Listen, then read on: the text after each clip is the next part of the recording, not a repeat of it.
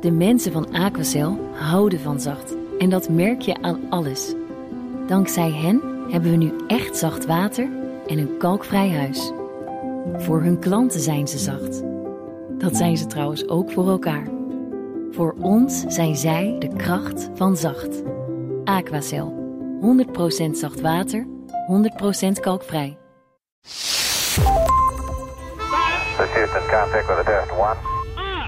Touchdown confirmed. Welkom allemaal bij Space Cowboys nummer 116. 116. 116. Het is, eh, eh, mijn naam is Michel van Baal en ik doe het vandaag met Luc. Luc Hoi. van de Belen. En ik doe het met Erik Laan. Een tijdje niet eh, hier geweest, maar eh, hij, je bent weer terug. Heel fijn. Ja, blij om weer terug te zijn. eh. Ja, ik eh, vond het moeilijk kiezen deze keer, want er was veel aan de hand. Dus ik ben heel benieuwd wat jullie hebben meegenomen. Kun je één, eh, e- één alvast onderwerp eh, teasen bij ons, Erik? Eén teaser. Nou, onze minister van Buitenlandse Zaken, Wopke Hoekstra, die is in, in Wenen geweest om te zeggen wat wij gaan doen met eh, oorlog voeren in de ruimte. Oh, oké. nou, ik eh, hoop dat het, eh, het meevalt. gezelligheid. Luc. Eh, ja, nou, ook, eh, ook ellende. Ehm, een Japanse raket eh, die het niet deed. Oh ja. Ja, ja. daar gaan we ook op terugkomen. En ik wilde het, eh, het hebben over een ballon. Dat, eh, dat is, eh, soms is dat ook ruimtevaart. daar gaan we het zo meteen ook over hebben. En eh, nog veel meer. Dus eh, waar, waar zullen, daar laten we dan maar gelijk bij Wopke beginnen. Bij Wopke, Vertel, wat... Ja, want het is niet zo heftig. We hebben juist gezegd dat we niet, geen oorlog gaan voeren in de ruimte. De, er was een conferentie in, in Wenen die ging over ontwapening. En eh, Nederland heeft daar een, toespraak gehouden. Dat doen wel meer landen. En ook dit keer hebben ze gezegd... Nou, wacht, we, hebben- we nemen de intentie aan om geen zogeheten anti-satellite testing te gaan doen in de ruimte. En dat is een initiatief wat al een tijdje loopt. Wat ook de Amerikanen hebben ondertekend. En die, die, ja, die supporten nu van ja, je moet dat niet willen. Hè, dat je eh, vanaf de aarde satellieten gaat neerschieten. Ook al kan je het wel, maar het is gewoon stupide natuurlijk om dat, om dat te doen. Omdat je natuurlijk heel veel ruimteafval daardoor krijgt. En ook eigenlijk jezelf in de voet schiet. eh. ja, ja, maar het is op- opmerkelijk dat Nederland dat, dat, dat dan dat ook onderschrijft. hè. En voorheen was Nederland in, in de ruimtevaartland altijd heel erg volgzaam. Dat zijn ze nog steeds een beetje natuurlijk. Maar zeker om dit soort podia te betreden en dat soort dingen te roepen. En, en ook echt de ruimtevaart ja, in die zin wel serieus te nemen. Dat ze zeggen, ja, dat is een heel belangrijk eh, domein. Eh, ook hè, voor, de, voor de veiligheid.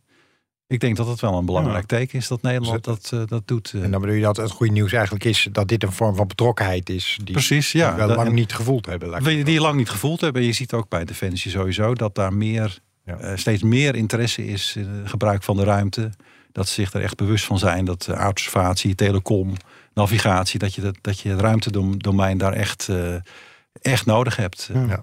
Is dit ook niet ehm, heel erg symbolisch? Is het misschien Kunnen we dit in, in, eigenlijk? in, pla- in We plaats konden van... het niet, hè? Ja, in, in, in plaats van, nou ja, eh, wij spreken af eh, met z'n allen dat we het niet doen. Is, is het niet eigenlijk veel meer gericht richting China en Rusland?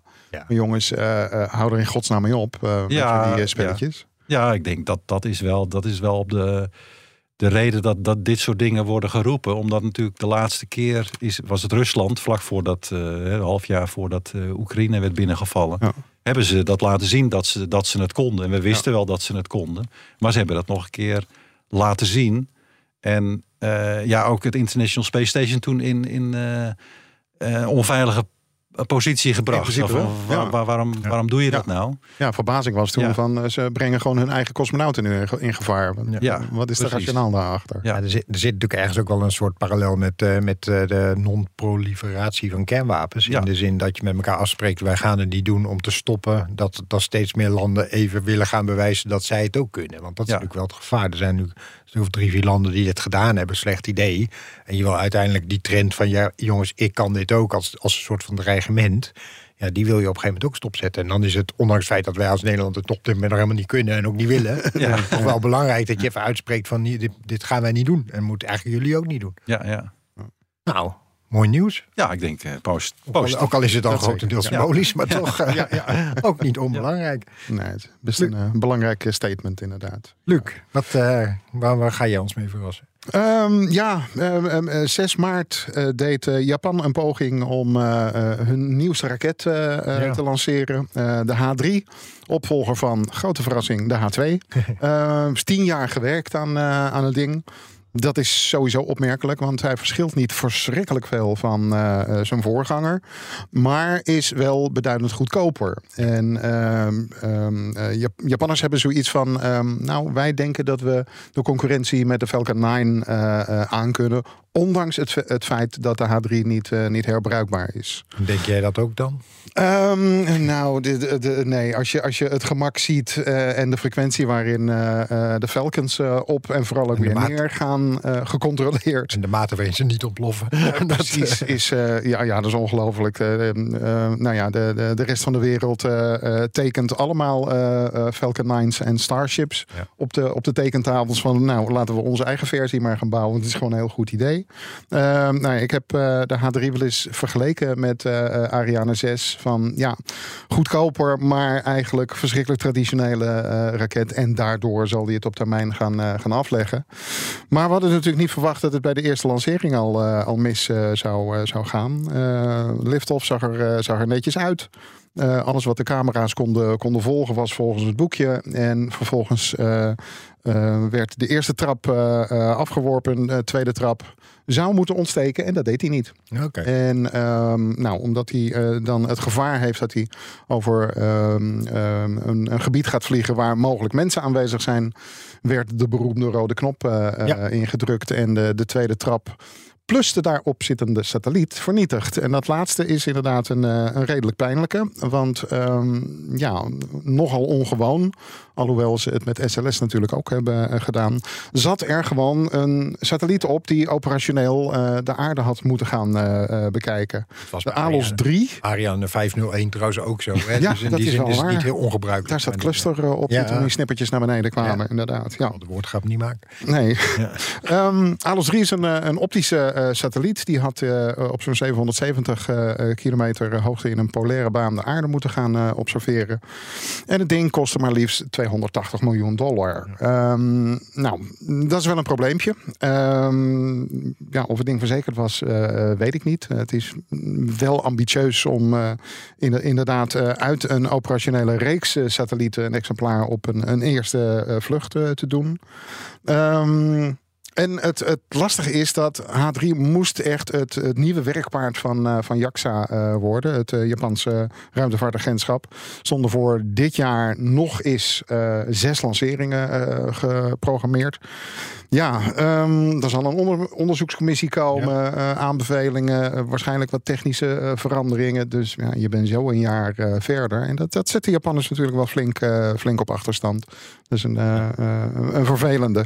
Ja. Ja, ze Ehm, hebben natuurlijk ook hetzelfde belang als wat Europa in, in dit verband ook heeft. Is dat je als land strategisch je eigen toegang tot de ruimte wil, om het zo Ja. maar even te zeggen. En ja, dan heb je inderdaad hetzelfde beetje probleem dat je erop achteraan loopt. Of je competitief bent, lijkt mij financieel concurrerend bent. Ja. Lijkt me echt eerlijk gezegd bijzaak. Weet je, Japan wil natuurlijk zelfstandig naar de ruimte kunnen. Ja. Weet je? En eh, liefst een beetje betrouwbaar. Precies. Dat konden ze met H2 natuurlijk wel. Eh, en eh, ja, dit is natuurlijk wel een eh, beetje pijnlijk. Eh, Ja, nou ja, vandaar omdat, eh, zoals ik zei, ja, het ontwerp is allemaal niet zo radicaal anders als zijn, zijn voorganger. De, de, de motor die er in de, in de tweede trap zit, is gewoon een aanpassing van degene die ook op de H2 eh, vloog. Dus het, is- het is een beetje mysterieus. Eh, Enig, beetje- idee? zijn er al speculaties waarom?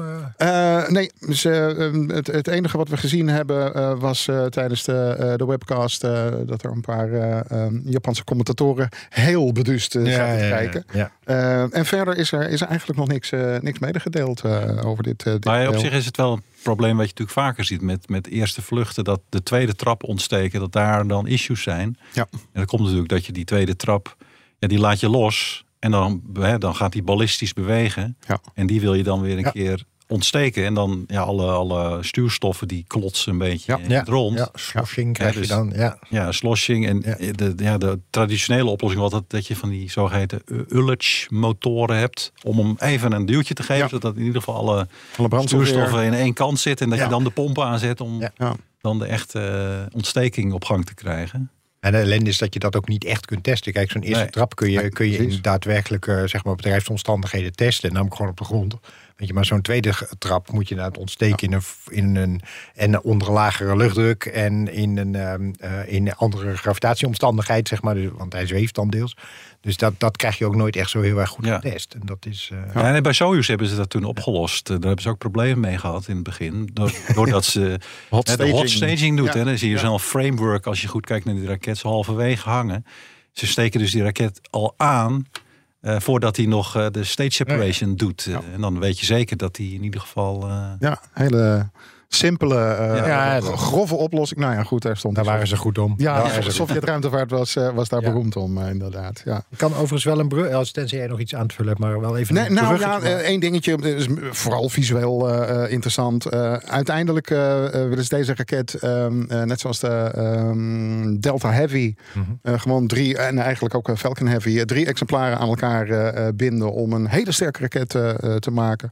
Want eh JAXA wil eh, een nieuwe versie van hun eh, vrachtvaartuig, wat op het ogenblik eh, voor ISS eh, eh, werd, eh, werd gebruikt, eh, ook gaan gebruiken om de gateway eh, te bevoorraden. Ja, en dan heb je natuurlijk een, een hele hoop eh, push nodig om, om daar helemaal naartoe te komen. Ja, Dus, eh, ja, het moet wel goed komen met die meen ik. H3. Ja, precies. Ja, H3 Heavy dan wordt het. ja, ja, ja, precies. Om, om even in het jargon te blijven. Nee, ik had een bruggetje, want we, ha- we hadden een tijdje terug in de podcast een vergelijkbaar eh, verhaal over, ehm, over de Europese eh, raket Vega, eh, Vega C. Eh, die lancering mislukte. Nou ja, je- kan dit zingen nooit vergelijken, maar die lancering mislukte ook in dit geval in de, met, door een probleem met de tweede trap. Eh, en daar is intussen van duidelijk, althans is ja, duidelijk, eh, ze, denken dat ze weten hoe het komt. En dat heeft te eh, had te maken met de nozzle insert van de tweede trap. En de nozzle insert, ik geef ook, ik moet het ook opzoeken hoor.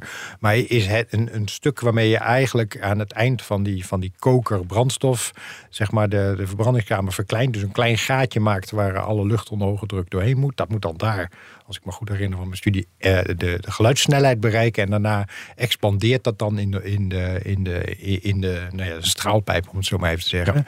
En dat specifieke onderdeel heeft, is blijkbaar bezweken of heeft het niet gehouden of is geërodeerd. Er hoeft niet zo heel veel aan te gebeuren. Als het maar een heel klein beetje, zeg maar, beschadigd raakt, dan, dan krijg je dus al het probleem dat je in dat de smalste opening niet meer de geluidssnelheid haalt. En als je, daar, als je dat hebt, dan, dan heb je die expansie naar mag 3, mag 4, mag 5 in die pijp. Die is dan meteen weg.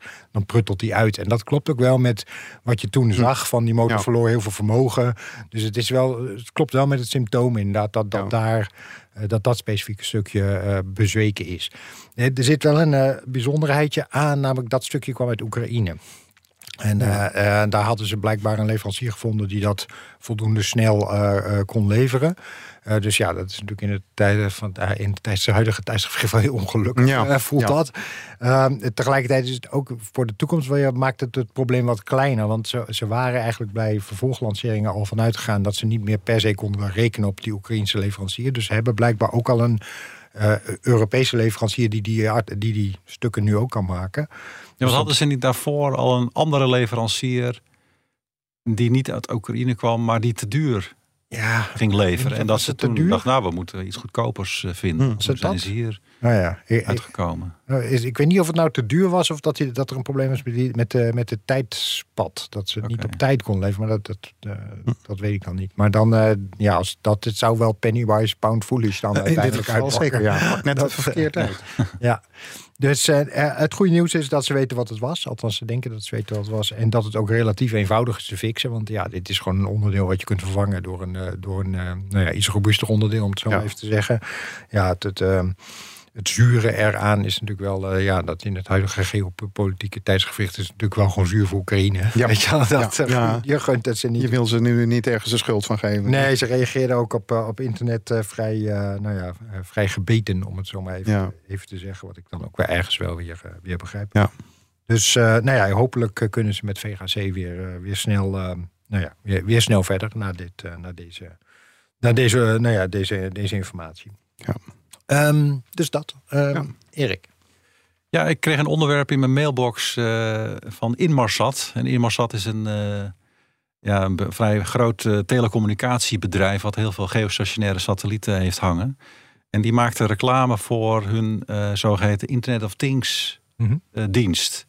En ik zie dat een beetje als een, ja, toch een eerste aanval op de wereld van de low Earth orbit IoT eh, bedrijven die eh, de afgelopen jaren zeg maar, veelvuldig allerlei satellieten, kleine satellieten in een lage aardbaan hebben, hebben geschoten. En ja, die, die IoT-diensten gaan leveren. De, het idee is dan dat je met vrij simpele sensoren en vrij simpele communicatietechnologie.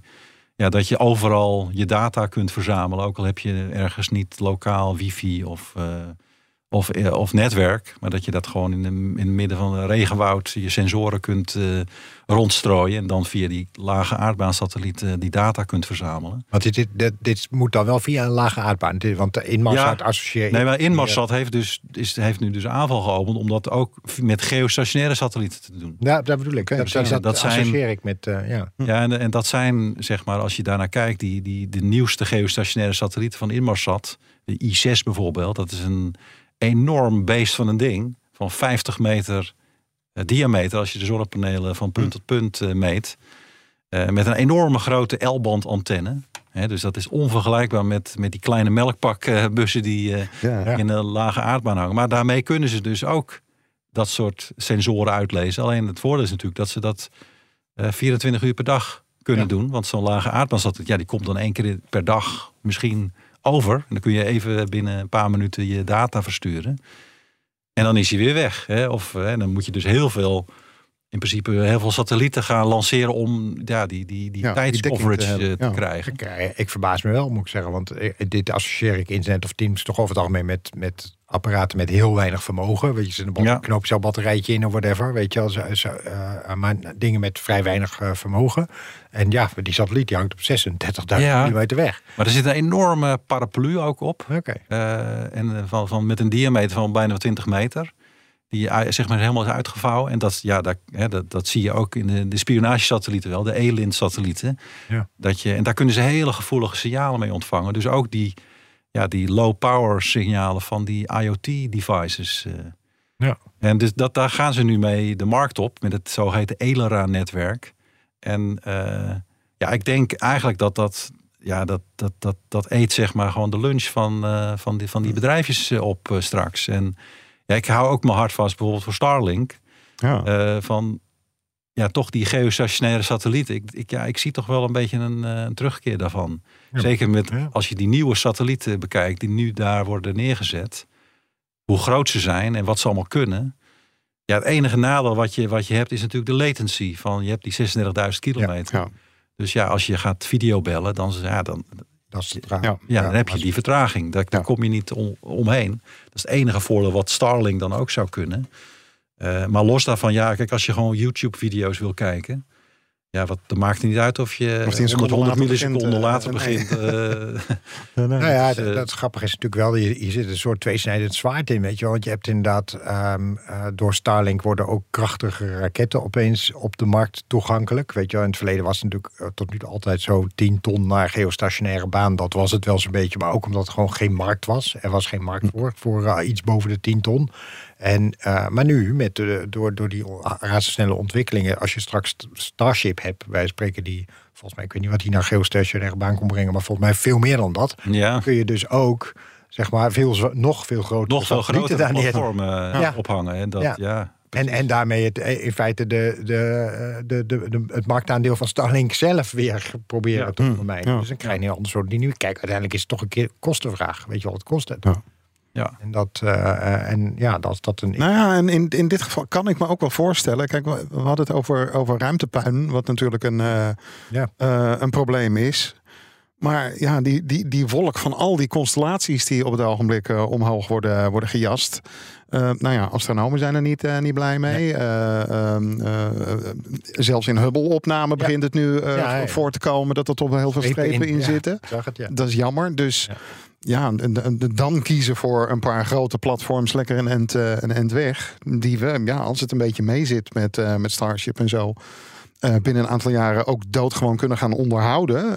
met mensen of satellieten die we er naartoe sturen. Onder weer wat, weer, weer wat peuten op te gooien. Misschien een nieuwe antenne op, op te schroeven. Ja. ja, misschien is dat wel een, een veel slimmer model. Nou, het wordt ja. een ander business. Nou, overigens is Space Shuttle, ja, Space Shuttle, uh, Hubble Space Telescope wel weer een uitzondering, omdat hij als een van de weinige Space telescopen heel ja. laag zit. Ja. Terwijl James Webb zit voorbij de maan, weet je. Die, eh, die hebben daar eh, Ja. de meeste moderne ruimtelescopen hebben natuurlijk geen last van. Nee. Maar voor de, voor de grondastronomie is het natuurlijk wel gewoon heel eh, irritant. Ja, inderdaad. Ik moet wel zeggen dat ik het wel uit een heel onverwachte hoek eh, eh, vind komen. In Marsat. Dat is. Nou, niet- Ja, nou ja, het is, het is de, de. Kijk, als je een boot ziet ergens, een luxe jacht, en je ziet zo'n koepeltje erop, ja, Ja. Ja. ja. 90% van die dingen worden geleverd door Inmarsat. Ja. De hele telecommunicatiedienst voor de maritieme wereld, ja, dat is, dat is ja. allemaal Inmarsat. Ja. Eh, maar goed, ik zie ook wel.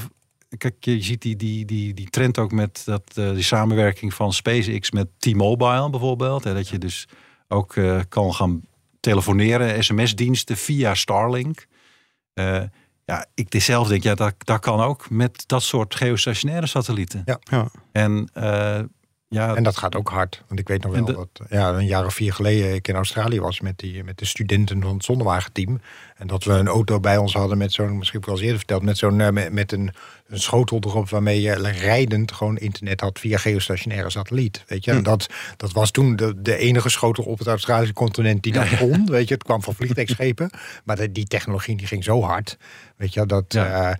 ja, je, dat, als, dat was vier jaar geleden. Nou, we zijn van ongetwijfeld weer vier jaar eh, verder. Enig probleem overigens van die schotel was wel dat hij zoveel stroom gebruikte dat die auto dat niet kon bijbenen. Dus hij moest echt af en toe uit, anders, anders trok hij en de auto leeg en de accu ook. Weet je, dus nou ja, dat was nog wel een ontwerpdingetje. Maar goed, de, de time flies, weet je, en dat gaat. eh, Ja, en het, het- uiteindelijk gaat het om bandbreedte natuurlijk. Ja. En ja, kijk, die hele kleine tekstberichtjes of eh, gewoon data, kleine hoeveelheden data, dat kan allemaal prima via die geostationaire satellieten. Ja. Het, het is alleen de vraag van ja, wat doe je op een gegeven moment als je die hogere bandbreedtes wil hebben? Ja. Nou, is daar ook geostationair ook? Kan dat ook met Ja, dat kan. dat komt- KA-band? Alleen Dat kon toen al. Dat, Ja. dat was daar al zo, dat ik op een gegeven moment reed in the middle of nowhere. Toen, scho- toen schoot ik opeens op mijn Spotify eh, op de auto. eh, omdat ik ongemerkt binnen de, binnen de bereik van de wc-bril was gerezen. Weet je dat ding toen? Dat, eh, dat je opeens je- de Spotify van je dochter op de radio hoort. Midden in de Australische outback. Weet je, dat was... Ja. Nee, maar daar, daar, ging, daar konden we Ja. gewoon video en audio over doen. Dat was volledig rijdend. Dat was al begonnen al. ja, ja. Ja, het is hard gegaan. Oké, ehm, dus eh, ja, we, we gaan het eh, in de gaten houden. Ja. Wat, eh, het, wat de toekomst ons op dit vlak gaat brengen. Ehm, was hem dat? Dat was hem dat. Luc. Okido, Ehm verhaal over astronautjes. Eh, ze komen uit, eh, uit wat onverwachtere eh, hoeken tegenwoordig. Ehm, wat, wat ik heel erg opvallend vind is dat eh, United Arab Emirates eh, behoorlijk aan de weg aan timmeren is. Die eh, hebben, wat is het, iets van vier, vijf jaar geleden hun eerste astronaut laten vliegen op, op ISS. Die vloog destijds met, met Russen mee. Ehm, nou, kennelijk door het hele eh, Oekraïne-verhaal eh, zijn zij, ehm, hebben zij, daar verder van afgezien om, eh, om daar vervolg aan te geven.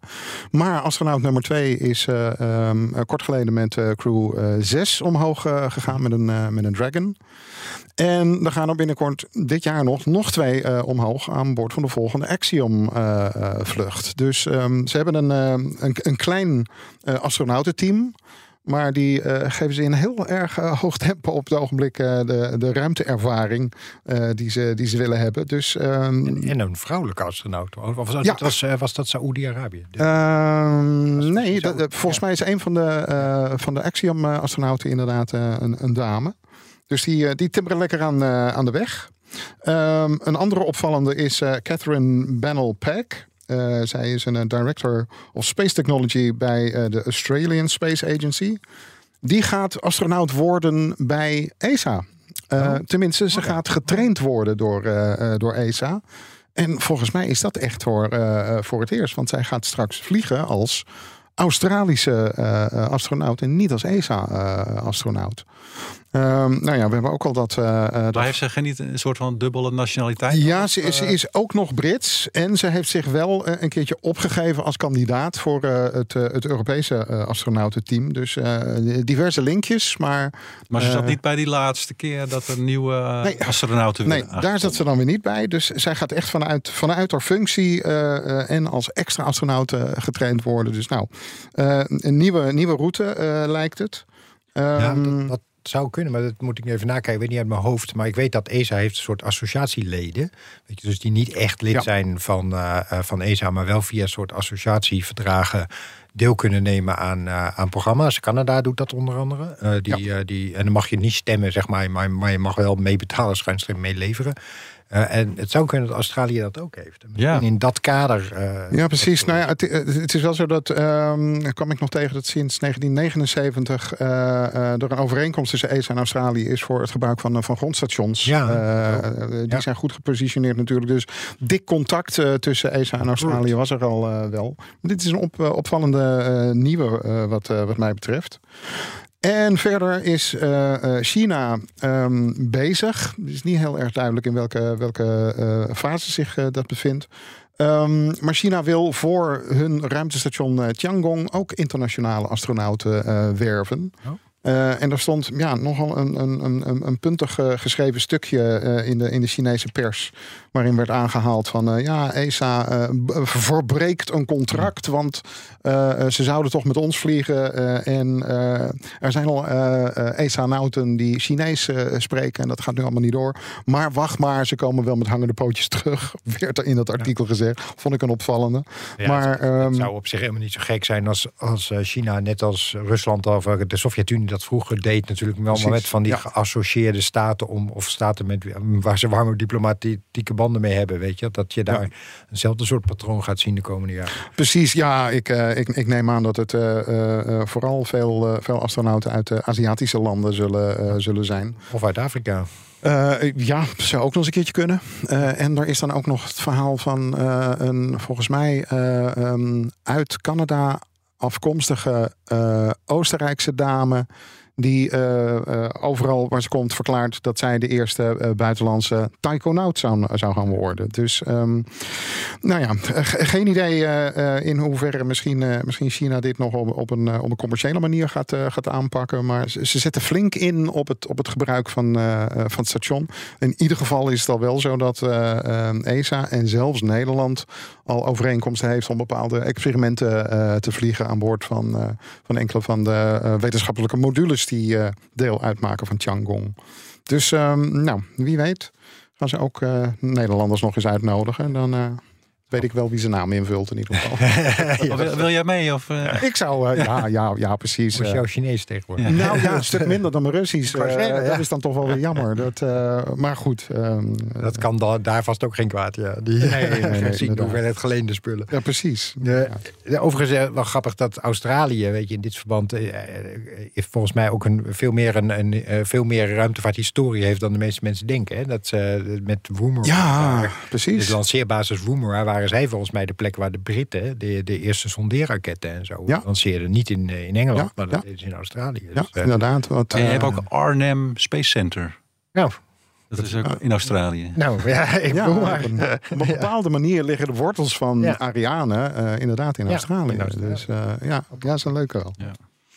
Hey, ehm, ik wil het even met jullie over geld hebben, niet onbelangrijk. Eh, niet echt over geld overigens, maar over ehm, het NASA-budget. Eh, dat eh, is ingediend bij... ehm, ja, ik, ben altijd een beetje kwijt hoe dat proces in Amerika precies loopt. Maar het, NASA heeft volgens mij een in, budgetaanvraag ingediend bij het congres.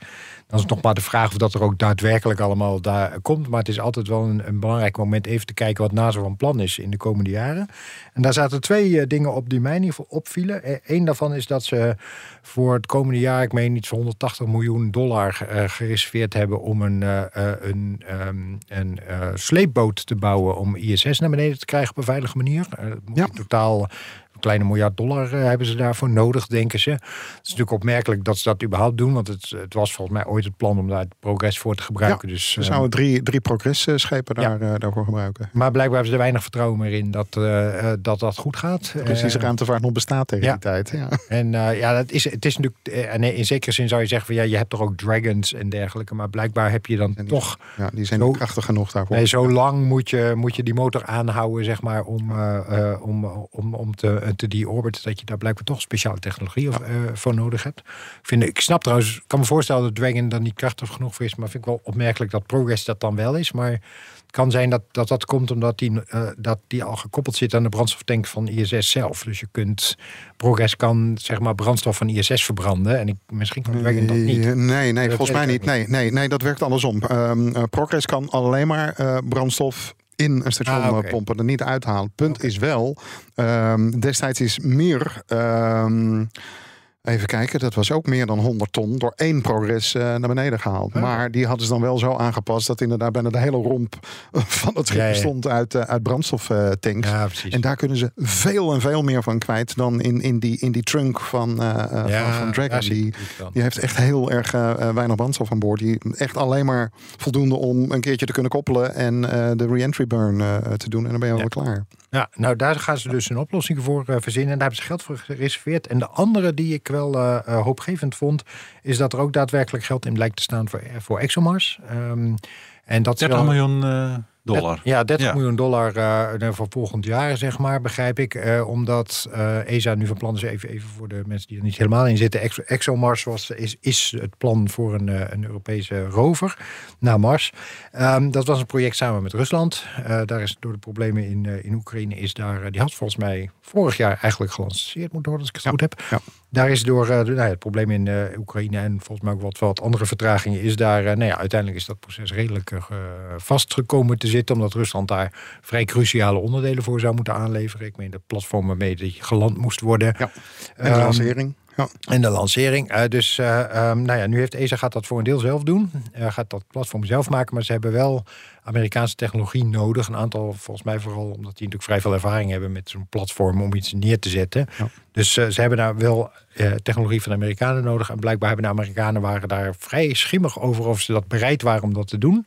Maar zijn ze, geven ze nu aan dat ze dat inderdaad van plan zijn te gaan doen. Nou, dat Ja. is voor ExoMars volgens mij Ja. Wel Een belangrijke stap. opgevend nieuws. Ja. ja, want ik weet voordat de Russen zeg maar, aan boord kwamen in ExoMars, waren de Amerikanen aan boord met Ja, met voor eigenlijk voor het precies dezelfde Ja. eh, onderwerp. Ja. En die zijn er toen op een gegeven moment uitgegaan. eh we toen, ja, was ook niet helemaal, eh, helemaal leuk toen. eh. Zit die enige kindercine in, in de zin Ja, van nee. zoek het dan maar uit? Of dat, eh, Nee, want ik, ik, een beetje een déjà vu van. Oké, gaan jullie dan nu wel echt Ja. meedoen? Eh, want eh, dat was toen. eh, Ja. Van het een op het andere moment zijn ze eruit ge, uitgedropt. En toen deed Rusland mee. Nou, iedereen blij met Rusland. eh. Ja. Dus ja, Ja. ik. eh, maar ik ben, ik ben wel blij voor ExoMars überhaupt dat, dat, Ja. dat, we, dat we niet met die, eh, die levensgevaarlijke proton eh, naar Mars gaan. Ja, dat was het. Hè. Het stond op de Ja, allerlaatste protonlancering Ja. was dat. Ja, en die, eh, ja, dat is Vreselijk ding. Dus ik ben daar blij om dat, dat, dat, dat, voor de mensen dat die, ons bespaard zijn die, gebleven. die Proton niet kennen. Proton is een raket die, met de, waarbij de eerste trap op hydrazine draait. En dat is gewoon ontzettend, giftig eh, spul. Wat meestal door anderen alleen maar boven voor dingen die echt in de ruimte zijn wordt gebruikt. Ja. Eh, en ja, daar komen eh, onderdelen van proton komen weer naar beneden en die zijn gewoon giftig. En dat, dat landt dan in de, nou ja, in de natuur. En er schijnen zelfs ook wel een groot gezondheidsprobleem mee te zijn dat de lokale bevolking eh, die dat metaal vervolgens gaat hergebruiken om pannen en potten van te maken.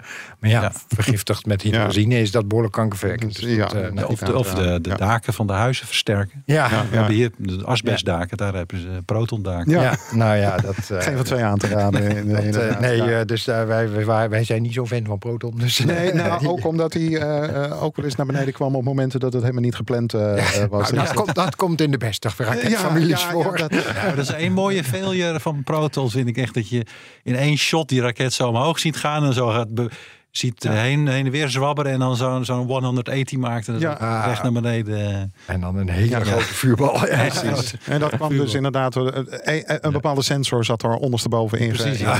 Oh, ja, Eh, ja. eh, ja. Heel knullig. Nou ja, ik ben blij, blij dat we dan van dat ding af zijn. Ja, ja bijna, bijna wel. Er, er is er van de week nog weer eentje, eentje. Nou ja, pu- puur alleen om, eh, voor, eh, voor Russische spul nu natuurlijk. Maar eh, ja, het eind is in zicht gelukkig. Ja. Ja. Maar het- trouwens, die, die, eh, dat NASA-budget van eh, het Witte Huis, eh, Mhm. die dat, eh, wat, de vraag is nog wat Congres nu, nu doet. Ja. Ja, Ja, ja, Hè, er ze plussen er ook nog wel eens bij dat het nog meer wordt. Ja.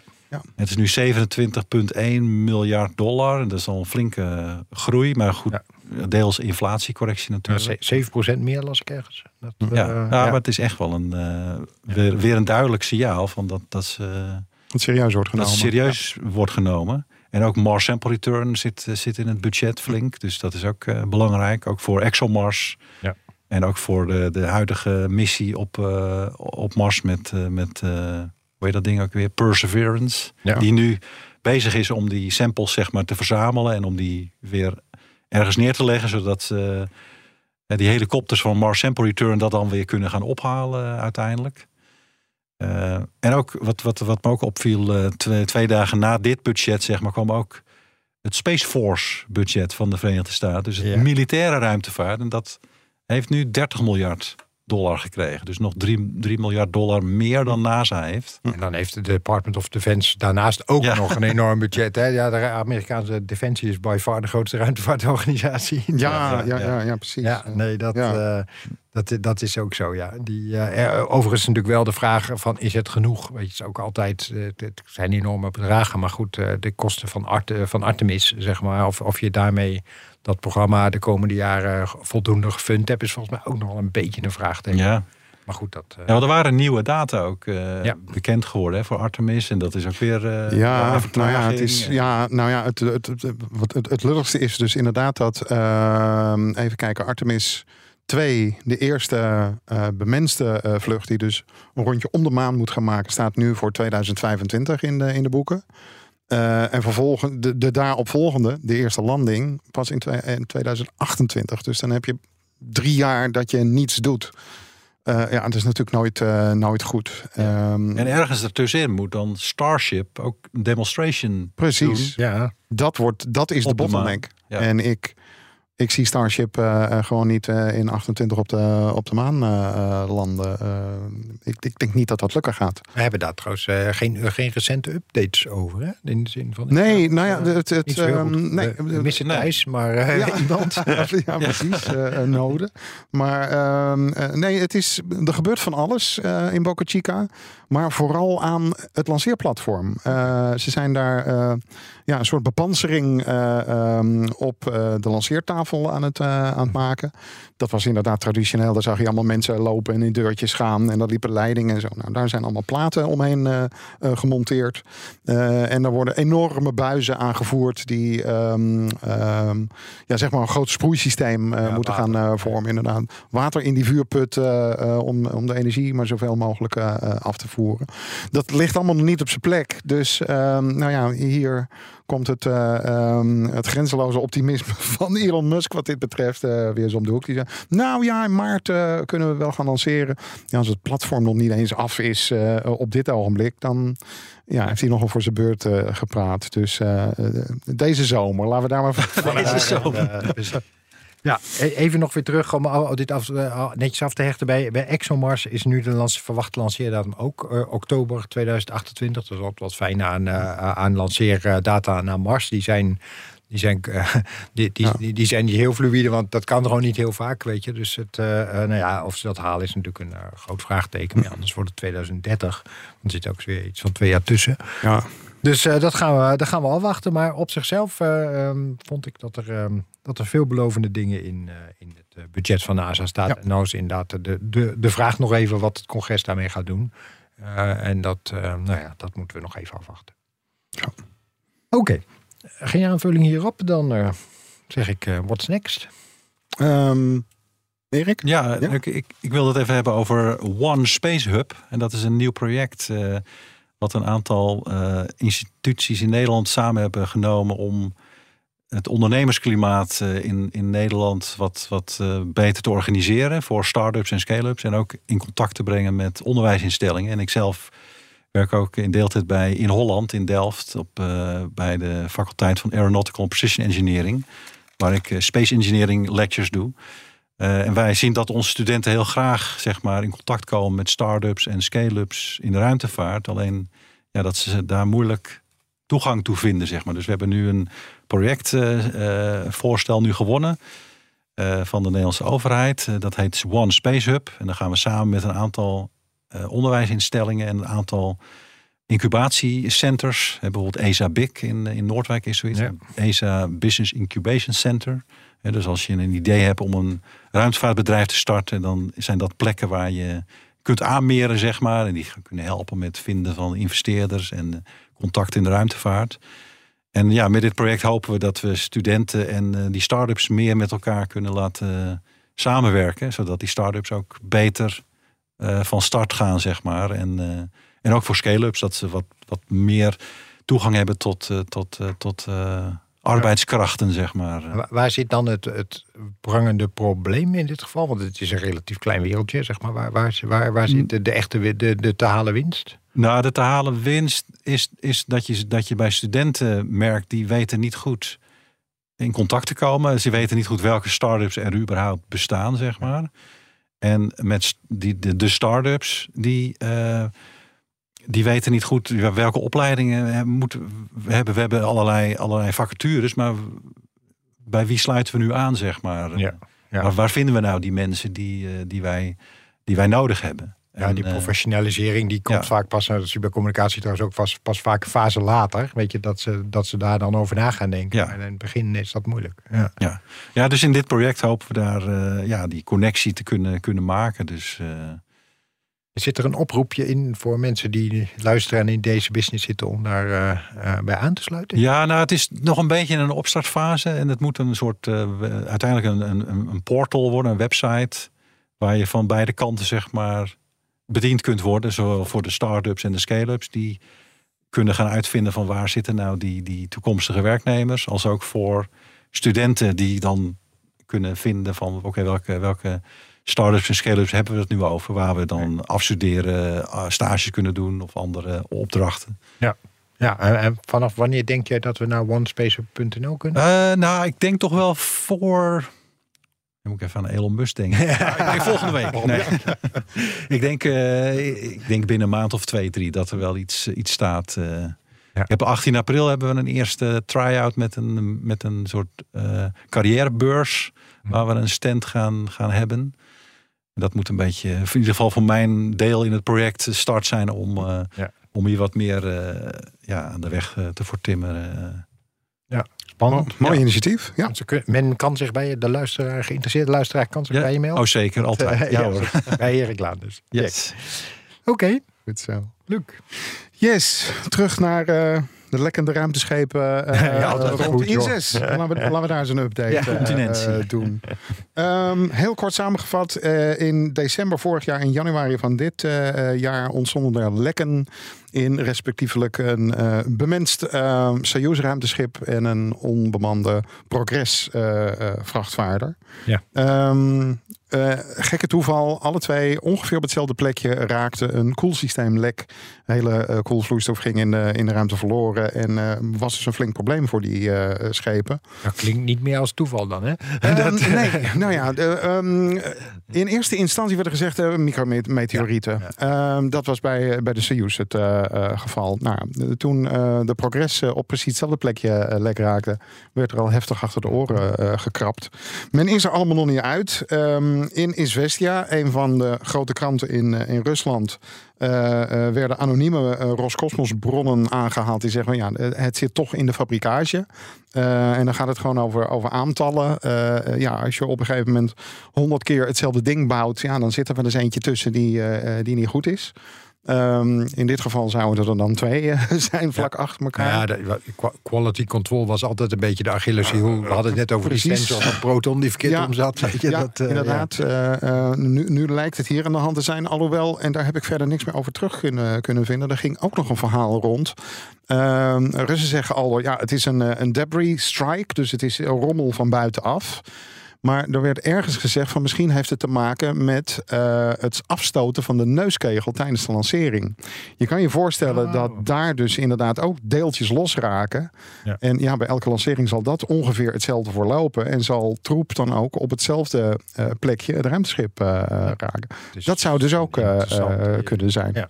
Nou ja, het probleem bleef natuurlijk dat de Russen zaten met een, een Soyuz waarmee je eigenlijk astronauten niet meer uh, veilig kon vervoeren. Want het zou bloedheet worden in de, in de cabine. Uh, sowieso al. En ja, tijdens de, de terugkeer wordt ook de buitenkant nog eens een keertje flink uh, op, opgewarmd. Dus dat zouden heel onaangename condities zijn. Vandaar dat de Russen besloten om ehm, het, eh, het volgende schip, de Soyuz MS-23, zonder mensen eh, te lanceren. Zodat dat gewoon een vervangend schip eh, zou zijn. Betekent natuurlijk wel dat je uh, ja, één schip verspeelt en daar dus geen mensen mee kan vervoeren. Uh, in eerste instantie werd er gezegd van nou, uh, dan moet de huidige bemanning maar een half jaar langer blijven. Dat wordt nu ook weer een beetje genuanceerd.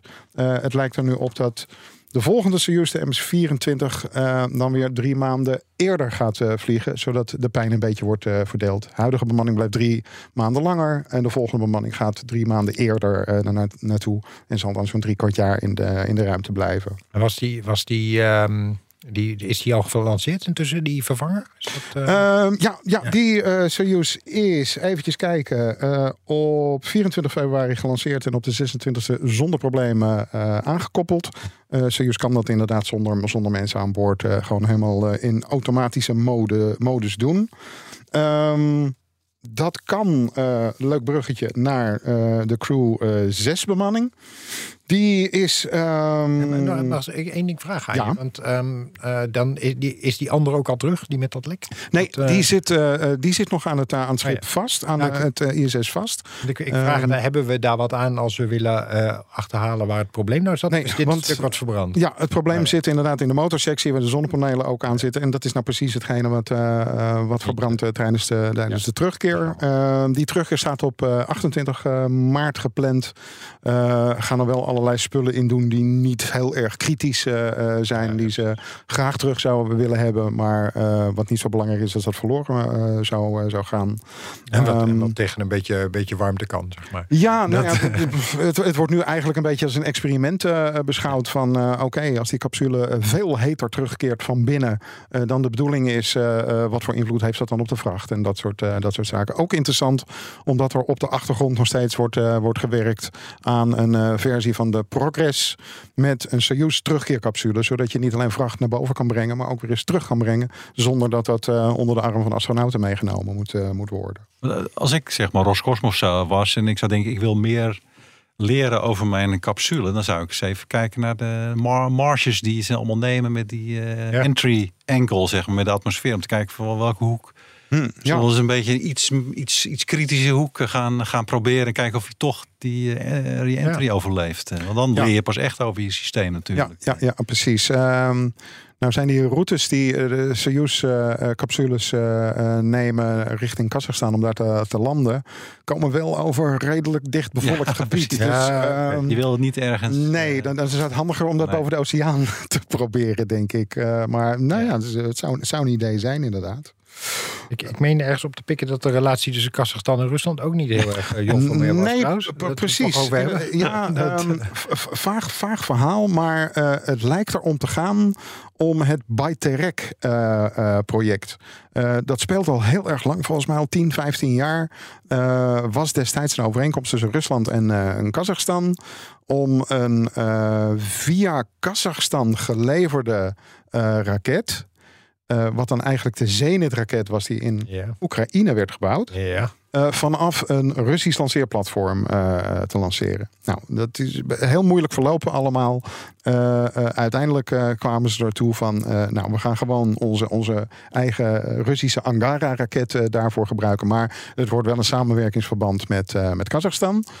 Kazachstan, die in principe ook eigenaar is van Baikonur. Ja, en Rusland de, huurt ja. Baikonur van, van Kazachstan. Ja, Baikonur, Baikonur is wel een Russische lanceerbasis, maar het ligt Precies. in Kazachstan. Ja, de, ja inderdaad. Uh, je moet allerlei verschillende visa hebben om daar, uh, om daar binnen te, te kunnen komen. Twee keer geweest, ik weet hoe het Ja, ja, nou, daar komen is niet het probleem. Als je verkeerde stempeltje hebt, kom je niet meer terug. Dat is, uh, daar, daar was oh. altijd ons grote probleem. Ja, mensen, ja precies. Moet, je moet een dubbel inreisvisum hebben voor Rusland. En mensen, dat kun je tien keer vertellen. En dat is altijd één iemand die het niet gedaan heeft. En dan, dan heb je een probleem. Ja, als je ergens niet vast wil zitten, is het Kazachstan. Het, ja. dat, is duidelijk.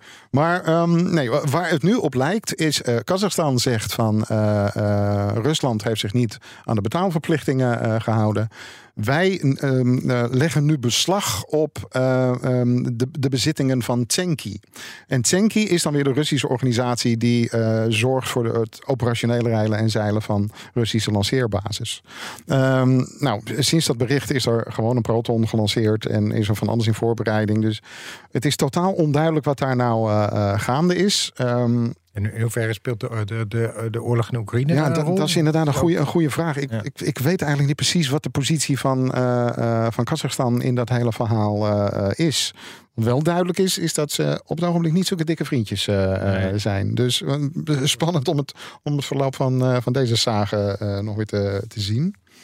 Ehm, dan nog eventjes terug naar, eh, eh, naar ISS. Ehm, daar is inmiddels, een wisseling van de wacht eh, geweest. De ene Crew Dragon is teruggekeerd en de ander is gelanceerd. Dat is op eh, 3 maart gebeurd. Twee dagen later is het schip gekoppeld. Maar in, in dit geval niet helemaal zonder problemen. Er bleek een sensorfout te zitten in een van de twaalf haken die ehm, eh, de, het schip ehm, vast moet trekken aan het, aan het ruimtestation eh, eh, na de koppeling.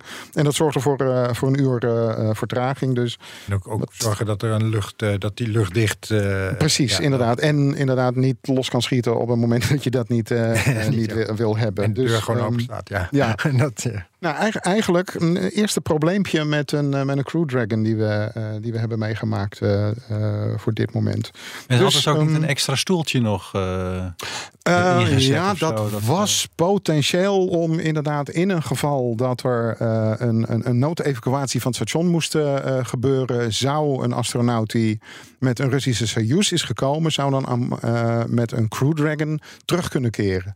Dat is dan nog best een heel gedoetje, want dat betekent het echt een extra stoeltje monteren. Eh, en dan ook nog een Russisch kuipstoeltje in een Amerikaans ruimteschip vast zien, eh, zien te je krijgen. kunt niet zo'n eh stewardessenstoeltje zoals in het vliegtuig. Nee, inderdaad. Het is niet zo'n jump eh, seat. Het is, Ja, het is best, best ingewikkeld, inderdaad. Nog afgezien van het feit dat ehm, eh, ja, de, de astronaut die met een Soyuz omhoog is gegaan, heeft ook een Russisch ruimtepak. En dat past weer niet op de systemen van Crew Dragon. Ja, het zijn allemaal verhalen die in de jaren zeventig werden opgelost van we gaan alles standaardiseren, koppelsystemen en dit soort dingen is er nooit van gekomen. Dus nou, in dit soort eh, ehm, gevallen ja, is dat best onhandig, dat, eh, dat blijkt. Maar het goede nieuws is in ieder geval, eh, eh, er zijn voldoende ruimteschepen gekoppeld aan het ruimtestation om iedereen veilig naar huis te brengen, mocht dat nodig zijn. Dat is een hele geruststelling, zullen we maar zeggen. Was dat het, de update ISS? Yes. De, hey, ik heb nog een, ehm, een, eh, een ballononderwerp. Eh, en mensen die mij wat uitgebreider volgden in het verleden op Twitter... eh, weten dat als je me boos wil hebben... dan moet je zeggen dat je met een ballon naar de ruimte kan. Want dat kan dus niet. we, we hebben in het verleden een hele fase gehad van Dennis en Valerio... die naar de ruimte gingen en zo. Nou ja, goed. Ja, ja. Ik heb me daar in het verleden altijd met veel plezier boos over gemaakt. Er is één uitzondering die ik altijd wil maken. En dat zijn de, de Arctische onderzoeksballonnen. Eh, en ehm, eh, dit is er één die er aankomt in december. En dat is een, ehm, eh, wel een interessante, vooral omdat er een flink stuk eh, Hollands glorie in zit. En het nieuwsberichtje, niet zo heel spannend, maar het is toch een mijlpaaltje, is dat Gusto, zo heet de, de, de- deze telescoop. Het is echt een, eh, echt een telescoop, gewoon zo'n, eh, hoe heet het, eh, cryo-stad eh, gekoelde telescoop, zeg maar. Flink de enorm ding, uh, moet je een meter of vier hoog, zeg maar. Die eh, is klaar voor integratie. Dus die gaat nu naar de ballongondel, waar die in de, eh, aan, de, nou ja, aan de, die enorme, we hebben het echt over een extreem grote ballon, waar het aan die ballon wordt eh, gehangen. En dan is de bedoeling dat die in december eh, boven Antarctica naar boven moet gaan. En daar heb je, dat is een ballonprogramma van NASA, doen ze één keer zoveel tijd. Door ehm, COVID hebben ze een heeft vrij veel vertraging opgelopen. Dat had eigenlijk al een paar jaar geleden moeten gebeuren.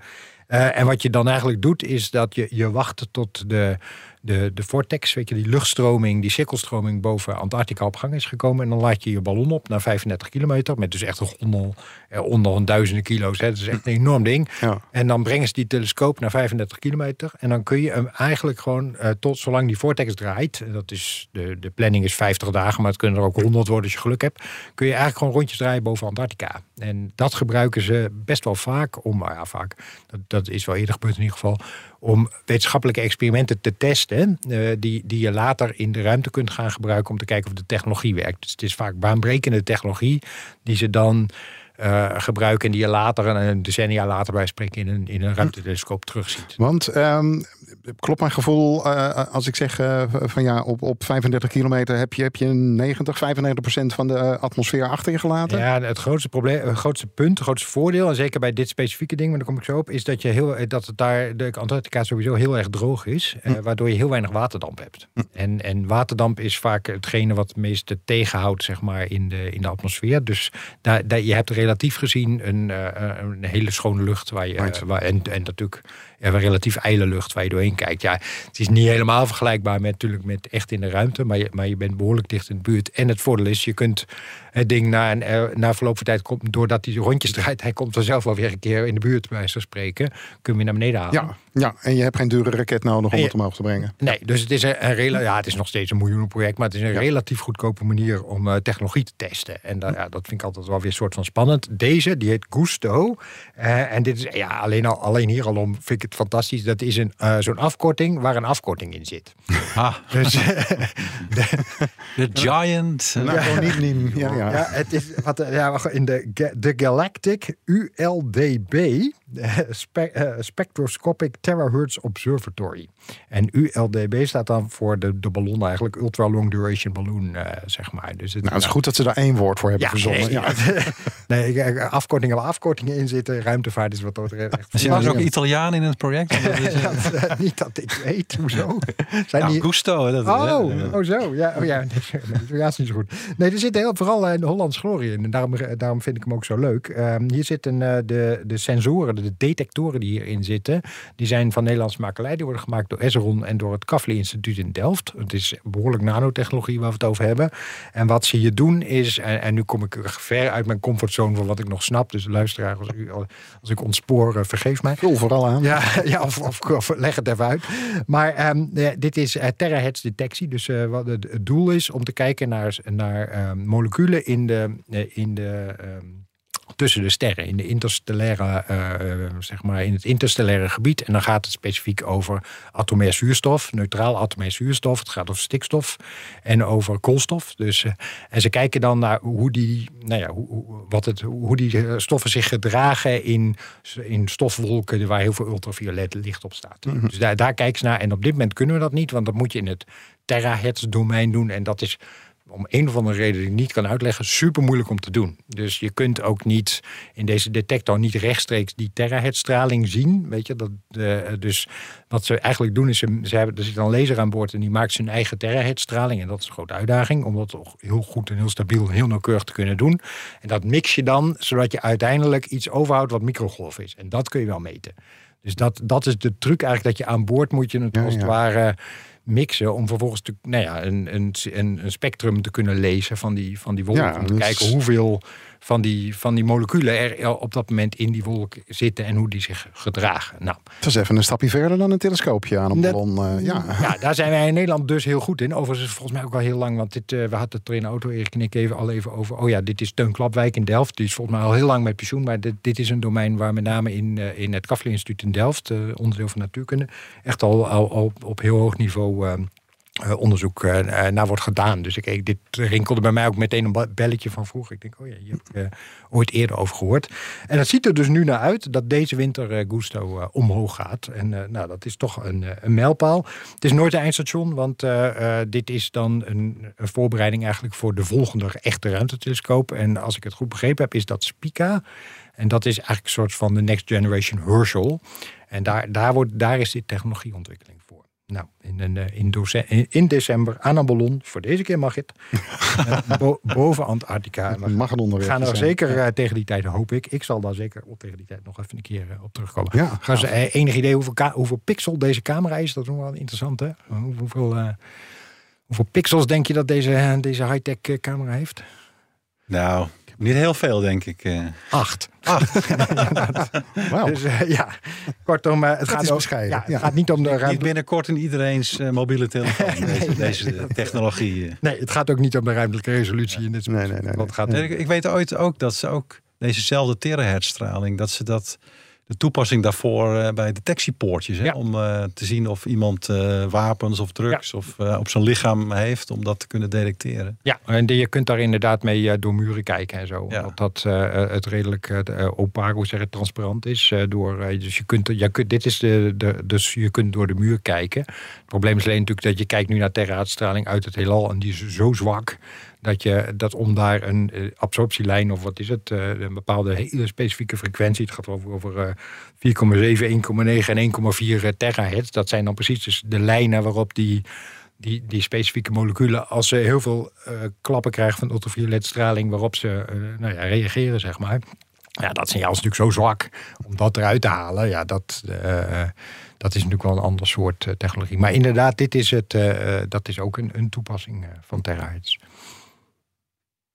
Dus, dat was hem. Interesting. Heeft iemand nog een eh, onderwerp over? ik, Eh, heb- ik nou heb ja. nog een laatste puntje eigenlijk. Ja, Eh, kom maar maar. Het is weinig, nog niet echt nieuws, want Relativity Space, dat is Oh een, ja. een van die lanceerders die nu bezig zijn om een, eh, om een eerste raket te lanceren. Alleen het is nog niet gelukt. Ik heb twee keer voor de video, eh, de livestream zitten, zitten wachten, maar voor dat ging hier niet. Ja. Ja. Eh, maar het is een bijzondere raket, want hij is eh, voor 85% is hij uit 3D, eh 3D geprint eh, componenten. Ja. En dus dat is bijzonder. En dat ik denk ook bijzonder is dat, dat hij op methaan vliegt. Ik, ik denk eigenlijk dat dit de eerste raket wordt die op methaan gelanceerd Ja, gaat is- worden. Of, er is, eh, of is er een eh, andere? Nou, het, het, ga- het gaat erop eh, op afkomen ehm, wan- wanneer die gelanceerd wordt. Want volgens mij is er een, een Chinees eh, eh, raket die eh, binnenkort hetzelfde Ja. gaat, eh, gaat proberen. Ja. Dus benieuwd wie het... Wie de primeur, eh, ja, ja, inderdaad. ja. Dus even afwachten nog. Maar hij gaat in ieder geval Starship bieden, toch? Want die moet, Ja. dat is ook methaan, als ik het goed heb. ja, dat is ook Ja. methaan inderdaad. Ja. Ja, Dat, eh, precies. nou ja, die, en eh, is, is die herbruikbaar of is dit een... eh, eh, Nee, is niet herbruikbaar. Nee, Deze, deze niet. maar 1, deze, deze wordt volgens mij inderdaad gewoon helemaal benoemd. Het, het concepten eh, testen, eh, eh, do- doet een methaanraket het, eh, kunnen we betrouwbaar eh, 3D printen. Ja. De volgende, de Terran R. En R staat dan inderdaad voor reusable. Ja. Is eigenlijk gewoon een, eh, kleine versie van, eh, van Starship. Die moet dat wel, eh, wel gaan worden. was Dus- het bij H3 trouwens ook niet zo dat ze daar met 3D-printen bezig waren geweest? Dat- Dat weet ik niet. Oh, nou ja, goed. Maar Ja, ik denk ze- eigenlijk dat die, dat die Terran 1, dat wordt sowieso een succes. Omdat ze namelijk geen satelliet aan boord hebben. Ja, ja. eerste lancering. Ja, dat, eh, ja, dus een beetje rond, gemaakt. Ja. Nou Wat, ze, wat ze aan boord hebben is een soort mislukte 3D-print object. Wat ze in het begin hebben gemaakt. Wat niet helemaal goed ging. En dat is een soort symbool van nou, dat, hè, Ah, toen konden we het nog niet. ja, En dat zetten we nou op die raket om te lanceren. dat is toch wel wat beter dan je eigen auto lanceren. Ja, dat of een, is wel- eh, dat is een of, beter of een stuk kaas, inderdaad. Ja, ja. Ja, ja of een dure aardappelsvaart. Ze waren wel, ja, dat, ja, ze waren wel heel dichtbij. Hè? Volgens mij waren ze tot 0,7 seconden gekomen. Nee, Ja, 0,5. Nou, 0,5. Ah, nee, maar heel, het was zo van, nou, hij gaat omhoog. Maar Ja. bleef staan. Oh nee, Eh, ja. Was het toch een. eh, ik weet niet precies bij die allerlaatste poging wat er nou de trigger was dat die niet ging. Ja. Maar de raketmotoren waren ontstoken. En voor mij was het eh, de, de, alleen de release van het platform wat niet, wat niet gebeurde om de een of andere. Ja, voor mij een reading ook van de tweede trap. Dat, die, dat, die, dat de methaan eh, temperatuur eh, gradient was nog niet helemaal wat ze wilden. Ja. En daarom hebben ze hem niet gelanceerd. Dus een heel, ze heel voorzichtig. En dat, dat, Ja. dat stemt mij altijd wel positief dat het Ja. Nou, en een ze- succes zeker wordt. dat ze met, met zo'n eh, splinternieuwe raket al tot zover in de, in de countdown komen. Ja. eh, zonder, Ja. zonder Ja, problemen. Is en, op zich en ook nog een keer dat ze dat eh, eh, na die ontsteking hebben ze nog een poging gedaan. Gewoon recycled. Gewoon recyclen Ja, ja, en een ja, uur later precies. nog een keer doen. Maar Dus ook niet en toen ging het om een andere reden gingen ze Ja. niet verder. Maar eh, Ja. Dat was ook vrij uniek. Dat Ja. je dan niet denkt, oh, we hebben hem een keer aangehad. Nou moeten Dus, we eh, helemaal... eh, Ja, Nou, wellicht over eh, twee weken kunnen we er eh, wat meer over vertellen. Ja, Eh, ja, ik heb nog één, eh, één vraag voor jullie. Eh, hoe staat het met de ruimtepakken? Heeft iemand een... eh, want vandaag zouden de nieuwe pa- Ja, ruimtepakken nou van ja, Axiom ehm, Space, eh, eh, het is- in deze podcast volgens mij. Eh, ja, als we de, de, de, opnemen. de livestream heeft tijdens eh, de, de opnameuren eh, eh, gelopen, inderdaad. Ehm, het, wat ik ervan heb meegekregen, ehm, is het een, een, een reveal die eigenlijk geen reveal is. Even voor de goede orde, we hebben het over de maanpakken Ja. van, eh, van het Artemis-programma. Die Precies. door Axiom eh, eh, worden, worden gemaakt. En Ja. met veel bombarie. En nou ja, de wereld ingeslingerd. Ja, werd, volgens mij werd dit bijna twee weken geleden al aangekondigd. Van oeh, nou gaan we het, het pak onthullen.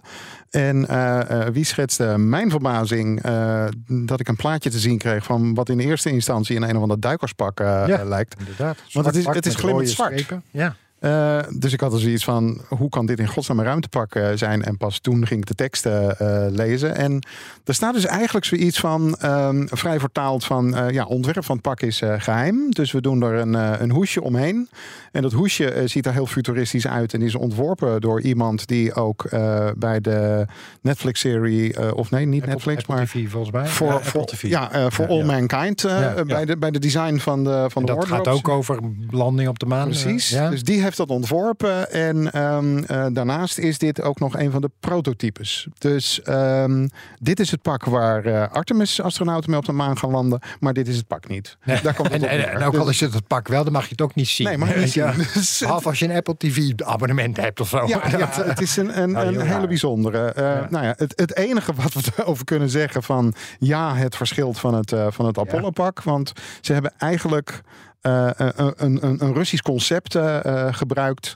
Eh, het, het is niet meer een, een pak wat je, wat je aantrekt uit verschillende onderdelen. En eh, zoals wat dan eigenlijk de voorganger van dit eh, pak, is, eh, pak is. Wat ze ehm, eh, nog steeds op het ruimtestation gebruiken voor ruimtewandelingen. Dat bestaat uit een, eh, een boven- en een onderdeel wat Ja. je aan moet trekken. Ja. Hier gaat eigenlijk ehm, het, eh, eh, de rugzak waarin eh, zuurstof en eh, koeltoestanden eh, zitten. Dat vormt eigenlijk een deur die open gaat. Dus je, Oh ja. je stapt van achter het, eh, het pak in. En eh, dat is veel simpeler. Als het goed is, kan je dat ook in je eentje eh, doen.